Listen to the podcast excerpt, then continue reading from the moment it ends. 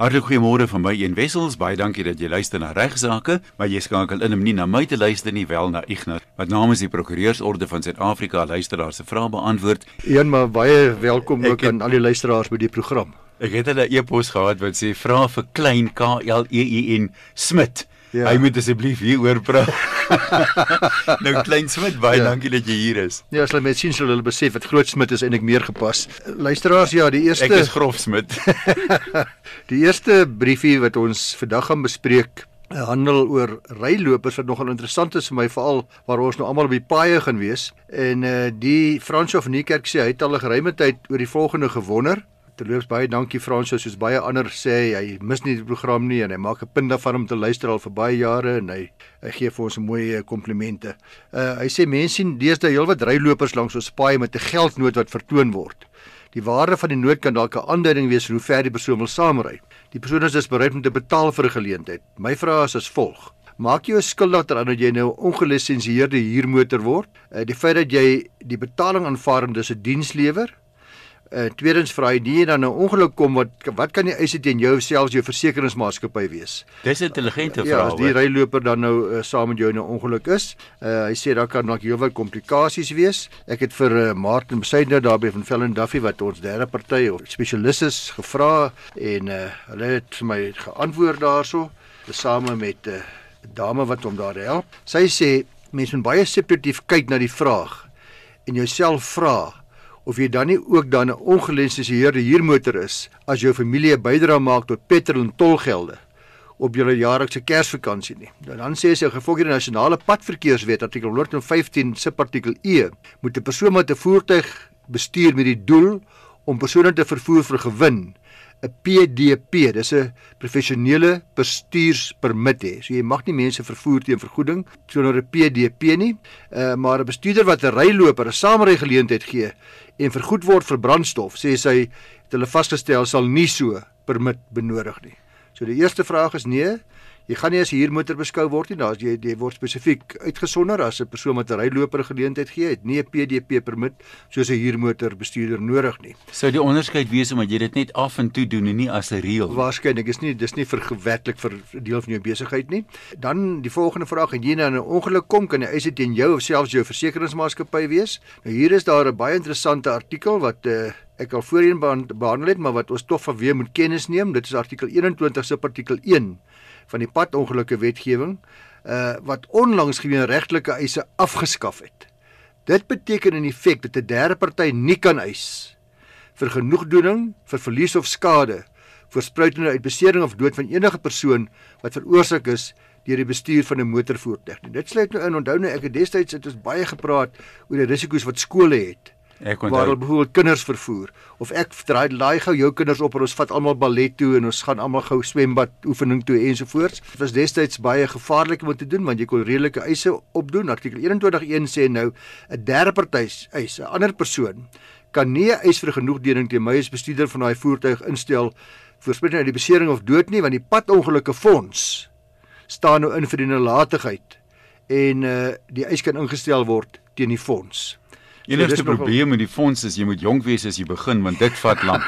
dis nogal waar. En as jy oor 60 is los maar. Ja, daar is natuurlik twee uitsonderings op hierdie reël. Die eerste een is dat 'n eis nie ingestel kan word deur die fonds vir verlies of skade verspreidende uit sekondêre of emosionele skade. Dis nou 'n skok, daai soort van ding. Daarom kan daar wel nog so eis ingestel word teen die bestuurder van die voertuig.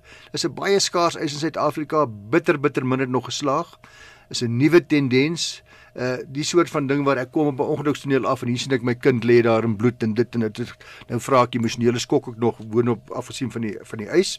Sekondêre is uh skok vind plaas soos ek sê waar 'n persoon getuie het dat 'n ongeluk is of selfs getraumatiseerd was omdat iemand hulle net vertel het van die ongeluk. Nou daai eise in Suid-Afrika is uh, baie gering en in in in geldware klink dit nie baie goed nie. Tweede uitsondering is indien die fonds nie in staat is om die eis te betaal nie, dan kan die bestuurder aanspreeklik gehou word. Nou ja. Sou dit nou weet nie wat dit nou eendag gaan gebeur nie. Daar's baie baie elke jaar nog, ag seker vir die laaste 10, 20 jaar is daar sprake dat die fonds bankrot is of op die randjie van bankrotskap staan. Was net maar soos Eskom en en, en 'n klomp in SAL en al daai mense, daar word hulle weer gered deur die staat. So want dit is eintlik maar 'n oefening deur die staat om ons te vergoed as uh, passasiers en ander mense wat seer kry in botsings. Hoe word die fonds befonds? Is, is dit 'n deel van jou lisensiegeld wat geallokeer word na die fonds toe of waar kom hulle fondse vandaan om die eise uit te betaal? Aan die ou dae het ons hierdie derde party versekerings gehad met 'n aparte skyfie. Deel van die geld het gegaan om na die fonds toe. Het jy 'n idee hoe werk dit deesdae met ja, die befondsing? Die grootste befondsing is deesdae die brandstofheffing, 'n deel van jou elke liter petrol wat jy ingooi, is daar 'n hele klompie sent mm. wat gaan aan die fonds toe. Maar soos ek nou nou aangedui het, van tyd tot tyd moet die staat ongelukkig dit aanvul uit ander fondse uit uh, waar dit daai fondse nou regtig uh, geoormerk uit word watter reservefondse weet ek nie maar verre wat die grootste deel kom uit uh, die die brandstofheffing. Daar is natuurlik geen manier hoe ons as publiek kan weet of die fondse wel so oorgedra word en of dit nie gebruik word vir reddingsboeie vir Eskom en SAL en al die goed nie. nie. Ongelukkig geen manier nie. Goed, wat is ons volgende vraag? Uh dan het ek 'n vraagie gekry uh, van uh Gerald Groenewald. Hy sê eerstens ook baie dankie vir die program en uh, hy sê leer altyd iets nuuts en uh, luisteraars die program word aangebied deur die Prokureursorde van Suid-Afrika en die gedagte is reeds om u so 'n bietjie resgeleer te maak om meer praktiese goed vir u raad te gee want baie van die dinge wat mense nou hoor kom dalk môre op jou pad. Ja, kyk jy hoef nou nie noodwendig 'n kenner te wees nie, maar Ek sê altyd vir mense as hulle nou vra daaroor, dis soos 'n rooi vlag. As jy te doen kry met 'n situasie en jy onthou, Ignas het gewaarsku hieroor. Wees versigtig, moenie sommer net enige ding teken nie. Gaan sien jou prokureur, maak seker dan jy al baie geleer as jy ten minste geleer het om nie sommer net te teken nie of dat hier, hier dinge is waar wat jy eers moet uitvind. Dan vra Gerald, hy sê ek wonder oor die volgende saak en ek glo dit is waarskynlik van belang vir baie van ons ouer luisteraars en nuttige inligting sal dit wees. Wat gebeur wanneer iemand wat getroud is binne gemeenskap van goed intestaat erf? As ek reg verstaan sê hy word die boedel in twee verdeel en kry die langslewende 50%. Maar hoe word die oorledene se helfte verdeel? Kry die langslewende gade dan 'n deel of alles daarvan? En gepaardgaande hiermee moet 'n paartjie wat getroud is binne gemeenskap van goed saam een testament opstel of kan elkeen ook sy eie aparte testament opstel? Dan het ek eh, soos gewoonlik maar boedelsvraag hanteer eh, wat ek eh, gegee vir die spesialis Volker Kreer. Hy sê Hy dink ook dis vrae wat baie van ons kliënte en baie luisteraars sal interesseer en relevant is waar iemand wat binne gemeenskap van goedere getroud is tot sterwe kom, val al die bates van die gemeenskaplike boedel in die bestorwe boedels. Dit weet ons. Soos Gerald reg aandui, is die langslewende gade dan weer geregtig op die helfte van die boedel. Die ander helfte, dis nou my helfte, die oorledene se helfte, vererf dan volgens die intestate erfreg indien die oorledene nie 'n testament gehad het nie. Daar is 'n wet, naamlik die Wet op Intestate Erfopvolging, wat voorskryf wie dan wat moet kry. Nou hierdie relevante reël in die wet is soos volg: Die langslewende gade en die kinders, dis nou oor my helfte wat nou oorbly, erf in gelyke dele onderhewig daaraan dat die langslewende gade op 'n minimum van 250 000 rand geregtig is. As die helfte van die boedel dis minder as 250 000 rand sou wees, kry die kinders niks. As die helfte van die boedel byvoorbeeld 500 000 rand sou wees, dan kry elkeen 250. As die helfte meer as 500 000 rand is, dan kry elkeen die helfte.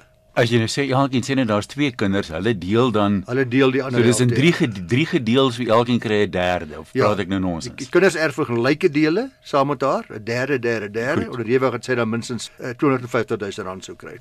As daar dan geen kinders is nie natuurlik wat ek dink in hierdie Gerald se geval die vraag uh voorveronderstel, dan gaan alles na die langslewende gade toe so as 'n intestaat erf geen kinders nie, alles nou dan kry sy haar helfte gevolge die feit dat dit klaar hare is en die ander helfte gaan alles na haar toe as hy wel kinders is, uh, gaan gaan die helfte dan of 'n derde wat ek nog aan haar toe. Kom ons gestel daar is sê net maar twee kinders. Uh dit skakel dan outomaties ouers uit wat nog miskien lewe, broers en susters, ander familie. Dis net daai die langslewende en die kinders wat dan erf. In die staats daar kinders en en en gade is dan gaan die ander die ander stirpes, die ander mense in die in die in die ry op boontoe en onder toe kry niks nie. Gades en die kinders erf dan gelyke dele, helfte helfte. Goed. Wat die vraag aanbetref oor die gades getroud binne gemeenskap van goedere gesamentlike testament moet teken, uh, is die antwoord dadelik nee, hulle hoef nie. Mens kan 'n aparte testament, elkeen kan sy eie testament verlei, maar uh, ons beveel altyd maar aan 'n volkerstem daarmee saam dat dit gewoonlik beter is om maar 'n gesamentlike testament op te stel. Daar's dan een dokument wat duidelik dit insit. Wat gebeur wanneer die man eers te sterwe sou kom? Wat gebeur wanneer die vrou eers te sterwe sou kom? En derdens, wat as hulle saam te sterwe sou kom? Jy sal dikwels byvoorbeeld kry dat mense in 'n verhouding besef ek is die ou wat alles van die finansies af weet. My vrou wil niks met die geld sake te doen hê nie dan sal mens byvoorbeeld sê in jou testament dat as ek eers te sterwe kom, die man, dan gaan die geld na 'n trust toe sodat iemand haar kan help om hierdie boedel te bestuur. As sy eerste te sterwe kom, ek kan die geld saak hanteer. As dit nie nodig vir 'n trust nie, dan gaan haar helfte na my toe, byvoorbeeld. Mense kan maar kyk na elkeen se omstandighede gaan verskil. Dan wil Volker ook die volgende uitwys en dit is waar gades getroud is binne gemeenskap van goed, kan die gade nie sonder meer net 'n bate aan 'n erfgenaam, byvoorbeeld 'n kind bemaak nie. Dis omdat die gades die bate saam besit as gevolg van die gesamentlike boedel. Waar die paades byvoorbeeld sy plaas as 'n seun wil bemaak. Dit gebeur baie gereeld. Getroud binne gemeenskap van goedere gaan daar 'n boedelsamesmelting moet plaasvind na die pa se afsterwe. Daardie samesmelting is dan ten opsigte van die oorledene se 50% belang in die plaas, asook die langslewende vrou se 50%. Die regskryf en ook voor die vrou na afsterwe van die man weer die bepalinge van die testament wat vir boedelsamesmelting dan nou voorsiening maak moet aanvaar. Ons noem dit adiasie. As jy hoef dit met ander woorde, jy hoef nie die samesmelting nie te. Sy kan sê ai kon, jammer. Ek gaan net my halte van die plaas na die kind toe gaan nie. Ek gaan nie adieer nie. Ek gaan nie die boedelsamesmelting aanvaar sodat dit moontlik is om die plaas te laat vererf aan die kind nie. So dis 'n tweede kans om nee te sê vir die boedelsamesmelt. Alles die gesamentlike testament so bepaal. Dit behoort as duidelik te wees luisteraars dat die deeglike beplanning nodig is waar gades binne gemeenskap van goedere getroud is en die langslewende gade nie alles gaan erf nie. Maar die ding dis so eenvoudig nie. Gaan sien maar u prokureur, gaan sien 'n boedelspesialis en maak seker dat daar duidelikheid vir u en die gade is.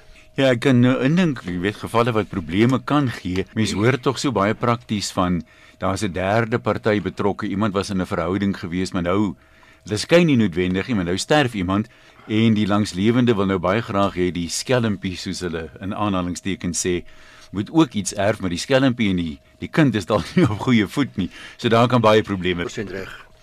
Ons almal is baie geïrriteerd en uh, gefrustreerd met al die stakings in Suid-Afrika van tyd tot tyd en veral wanneer daar geweld is en wanneer daar onregmatige dood is en plundering en saakbeskadiging en al die soort van goeters en baie keer ook intimidasie en ek het uh, van tyd tot tyd seker een of twee keer uh, in 'n jaar kry ek 'n briefie wat sê maar hoe werk dit? Hoekom kan die mense nie aanspreeklik gehou word nie? Hoe kan ons toelaat dat mense dit doen en hulle kom weg daarmee? Nou, dit word nie betwis luisteraars dat uh, vakbonde amptenare en verteenwoordigers ook beskerming word teen sekere verpligtinge wat hulle in staat stel om effektief hulle werk te verrig as vakbondverteenwoordigers en en unies nie want artikel 97 subartikel 3 van die wet op arbeidsverhoudinge vrywaar in die algemeen vakbondverteenwoordigers van siviele aanspreeklikheid vir dade wat uitgeoefen was wanneer hulle hulle wettige pligte bevorder hulle wettige pligte werknemers wat dan misdade of wangedrag pleeg of maar lede ook van hierdie vakbonde word egter nie beskerm teen siviele of kriminele optrede of tugstappe nie. Uh en selfs natuurlik ontslag wat voorspel dit hulle gedrag tydens staking insluitende beskermde staking. Dis nou belangrik want vakbonde kan ook nie die gedrag van sy lede en sy amptenare en vakbondverteenwoordigers heeltemal vryspring van delektuele skade indien dit daarop neerkom dat die vakbond skuld gehad het, aandadig was aan hierdie onregmatige dood of plundering of saakbeskadiging of intimidasie wat ook nog net mag neer. So, ekskuus ja. kan ek gou vra sal iets soos aanhitsing tot geweld Absoluut. nou daaronder val? Absoluut daarvoor en nie behoorlike voorsorgmaatreëls tref nie. Daar moet sekere goed in plek wees om te verseker dat dit wat ek reël, die beskermde staking en die optog en alles, dat dit moet voldoen aan sekere standaarde wat duidelik uitgespel word deur wetgewing. Vakbonde kan aanspreeklik gehou word vir die optrede van sy lede dus as die werkgewer en derde partye of derde partye kan bewys dat daar 'n onregmatige daad deur die werknemers of die vakbondlede gepleeg was en dat die vakbond aanspreeklik is vir die optrede van daardie lid of lede. Dat hulle deel daarvan was. Dat hulle soos jy sê aangehits het of dit ooglopend toegelaat het of nie stappe in plek gestel het om dit te probeer verhoed nie. Daar sal ook bewys moet word dat die vakbond of die vakbondverteenwoordigers hierdie pleging van die onregmatige daad dus gemagtig of bekragtig het of stilswygend toegelaat het voordat die vakbond dan aanspreeklik sou wees.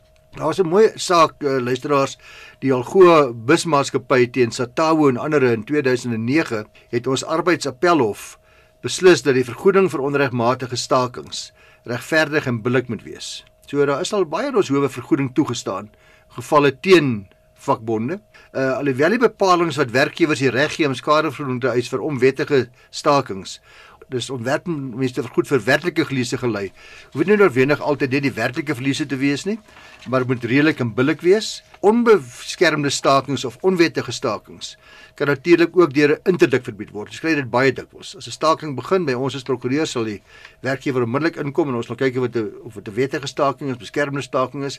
En ons sal binne dieselfde dag nog 'n interdik kry om daai staking te verbied. En dit kan natuurlik dan lei tot minagting van die hof. Dit word aan dieselfde dag beteken op al die stakers en op die op die leiers van die van die stakers ensovoorts, want dan onmiddellik is dit onwettige staking duidelik. Die hof het dan beveel hou dadelik op en uh, eise kan nou ook ingedien word deur derde party in die publiek wat verval was deur hierdie onwettige staking en gevolglik skade gelei het.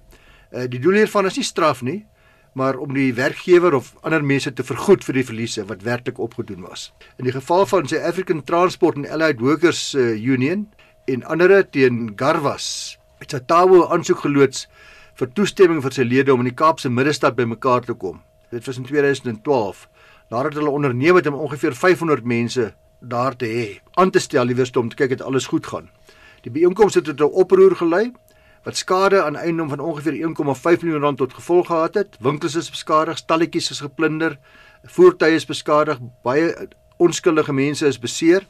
Lede van die publiek, uh, spesifiek verkopers en voertuigeienaars, het teen gevolge artikel 11 se artikel 1 van die wet oor regulering van byeenkomste, dis 1993 wet, die RGA wet noem ons dit hulle aksie teen Satawu ingestel, eis ingestel vir skadevergoeding en natuurlik het hulle die aanspreeklikheid ontken met allerlei verweere.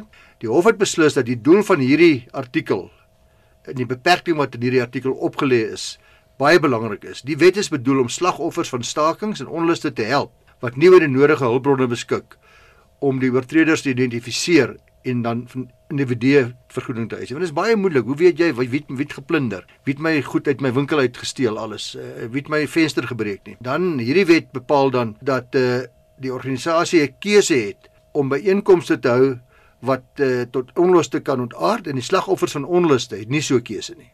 Hulle kan nie kies nie. Hulle hulle moet maar vat wat hulle kan toe kom en dis waar hierdie wet probeer voorsiening vir maak en die hof sê in daardie saak Organiseerders moet dit baie mooi nadink oor die skade wat die publiek as gevolg daarvan moontlik kan ly en die grondwetlike reg om te vergader en te staak is onderworpe aan die aan die kwalifikasie. En dis nou die belangrike deel op hierdie hele vraag dat die deelnemers vreedsaam moet wees en daarvoor moet die vakbond soek. Die unie moet daarvoor die organiseerders moet daarvoor sorg.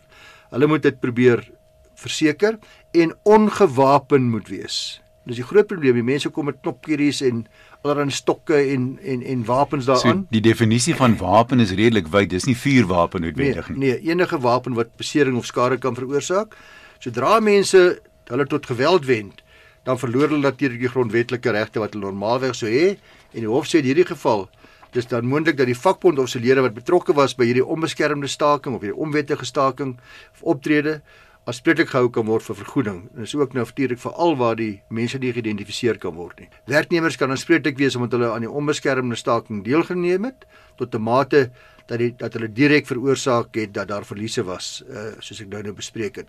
So vakbond kan aanspreeklik wees as hy vra dat 'n staking onbeskermd is en dan selfs is dit dan nou so, dan en dit lei tot skade of verliese deur die werkgewer of die algemene publiek. So ja, om ons luisteraars se vraag te beantwoord, daar is voorsiening in ons wetgewing, maar en nie so maklik kan ek ook vir julle sê. Dit is gewoonlik geweldig moeilik. Die vakbonde sal normaalweg uh hierdie aksies heftig verdedig as reputasie op die spel uh en gewoonlik is dit 'n uh, uitgebreide duur litigasie wat dikwels afhangende van die werklike skade wat jy nou gelei het dalk nie die moeite werd is nie. Ek lees nou gereeld nuus op RSG en daar's baie dikwels met sulke stakings storie in die nuus en as hierdie aksie van die vakbond maar hulle kan nie verantwoordelik gehou word vir die optrede van individue in die groep nie. Uh, dis gewoonlik die verweer, maar die ding wat by my opkom is die kwessie van voorsienbaarheid.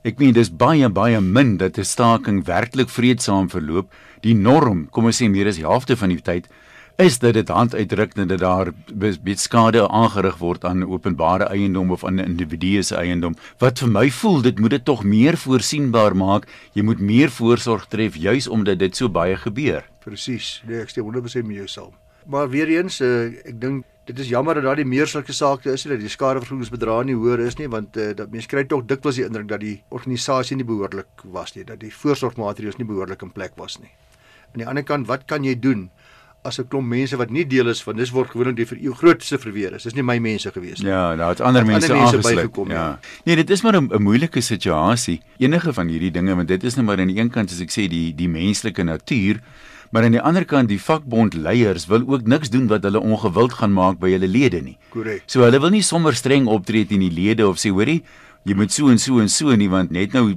beëindig hy sy lidmaatskap of sluit aan by 'n ander vakbond. Een wat vir my uh, fascinerend is is al hierdie stories oor die hele wêreld teenoor bose vroue.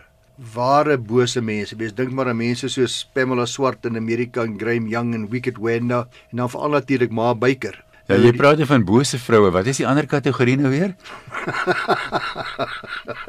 Ek besig om moeilikheid te soek. Ek trek dit onvoorwaardelik terug. Ek wil niks bevestig of ontken nie. Nou hierdie soort van sake, hulle weet uh, Amerikaanse sake is hoofsaaklik, maar daar is in Suid-Afrika ook uh, baie sulke sake, kindermoordenaresse en ander moordenaresse. Is dit tog baie toepaslik ook omdat daar sprake is daar van die verweere van geestesongesteldheid, verminderde toerekeningsvatbaarheid, uh veral as dit al kinders is, onbehoorlike beïnvloeding as verweere wanneer my maat my aangepor of my werkgewer of wie ook nog dit mag wees. So dit is nogal baie belangrik ook en soms ook net so van toepassing op ons strafreg. Nou min mense weet dat Ma Buiker oor wie Bonnie M daai mooi liedjie sing. Mm. Dis almal dalk ken. Werklik in Amerika geleef het, dis 'n ware verhaal en dat die meedoenlose manier waarop sy haar seuns in die misdaad onderrig het, uh, haar vir ewig het in die annale van die wêreld se misdaadgeskiedenis is een van die mees bose vroue So sy was 'n rolmodel, maar Ja. nie op 'n mooi manier nie. wat sy het ooit geleef het. Nou sy is in 1872 in Springfield, Missouri gebore as Donnie Clark. Dit was eintlik haar naam, Donnie Clark. As jong meisie het sy 'n geweldige heldeverering gehad volgens alle aanduidings in die hof alreeds vir groot misdadigers van haar tyd, soos die Dalton broers van daardie tyd. Uh die Jesse James, Al Capone, dit was haar helde gewees, opgeplak teen haar mure in haar slaapkamer. Uh op 20 trou sy met George Baker en dan word vier seuns vir hulle gebore. George is 'n swakkeling, volslaa alkolikus. Finansiëel gaan dit baie sleg met die bykers, nie hulle dit nie te breed nie. En uh die haglike toestande tuis uh en hulle ma se romantiese voorstelling uh van die onderwêreld word dan die teelaarde van die bykerseuns se bose natuur. Hulle word so groot gemaak. Kry swaar, maar vereer al die skelms en al die rowers en al die moordenaars. Uh, en teen die tyd dat die seuns hulle adolessensie jare bereik, uh, is hulle reeds geharde misdadigers. Jy kan nie glo hoe sy hulle geïndoktrineer en geïntimideer nie en hulle is goed ingeburger in die onderwêreld. Nou met ma as die meesterbrein agter tallose bankrowe en ontvoerings en haar seuns as die uitvoerders van haar planne, die dollars ingerol. Uh hulle was die mees gesoekte bende vir jare en jare in Amerika. Uh hulle het 'n ongelooflike daardie tyd 500 000 dollar. Ons praat nou van die begin van die 9 van in die 9 vroeë 1900s. 500 000 dollar in kontant gebuit en talle mense vermoor, ma en seuns. Nie eers die dood van een van haar seuns in die begin, reg in die begin toe word een by een van hierdie rowe doodgeskiet en en later word al drie ander tot gevangenissetting Gefonnis. vonnis. Nie dit kon nou maar byker tot haar besinning bring nie en sy kry nuwe handlangers. En terwyl hulle in die tronk is en die een is doodgeskiet, gaan sy voort met haar misdaad ekskursies en uh, sy probeer dan ook allerlei planne om haar seuns te probeer bevry uit die tronk uit, allerlei pogings. Sy kon uh, haar seuns leer om die gereg vir altyd te oor uitoorlê nie en sy kon self nooit die gereg ontduik vir altyd nie. En uiteindelik sterf sy ook en haar seuns nadat hulle uitgekom het, net so gewelddadig as wat hulle hulle lewens gelei het. So al die hele gesin, sy, die ma en die vier seuns almal dood as gevolg van haar boosheid. Nou uh, luisteraars, dit klink nou verskriklik en wat sou in 'n Suid-Afrikaanse hof gebeur het? Uh sou die bykers uh, broers moontlik ek wil net kyk na toerekeningsvatbaarheid tot met hulle 14de lewensjaar sou hulle vervolging moontlik kon vryspring want die Suid-Afrikaanse reg bepaal dat voordat vasgestel kan word of 'n dader se onregmatige gedrag regtens verwytbaar is, moes dit vas staan dat hy toerekeningsvatbaar is. Nou 'n persoon is toerekeningsvatbaar en nou hierdie kinders het al voor 14 jaar het al begin saam met haar rond dinge doen. 'n Persoon is toerekeningsvatbaar indien hy oor die nodige geestesvermoë beskik om tussen reg en verkeerd te onderskei en indien hy verder ooreenkomstig hierdie insig kan optree in staat is om daarvolgens op te tree en te handel. Hierdie geestesvermoë moet by hom aanwesig wees of haar ten tye van die handeling waarvoor die reg hom wil verwyd op die oomblik wat dit plaasvind. Staan dit dus vas dat 'n persoon op 'n gegeewe tydstip ontoerekeningsvatbaar was, is daar van skuld aan sy kant geen sprake nie. Hy moet onskuldig bevind word. So dit kan nog dit gebeur nogal dikwels met kinders onder 14.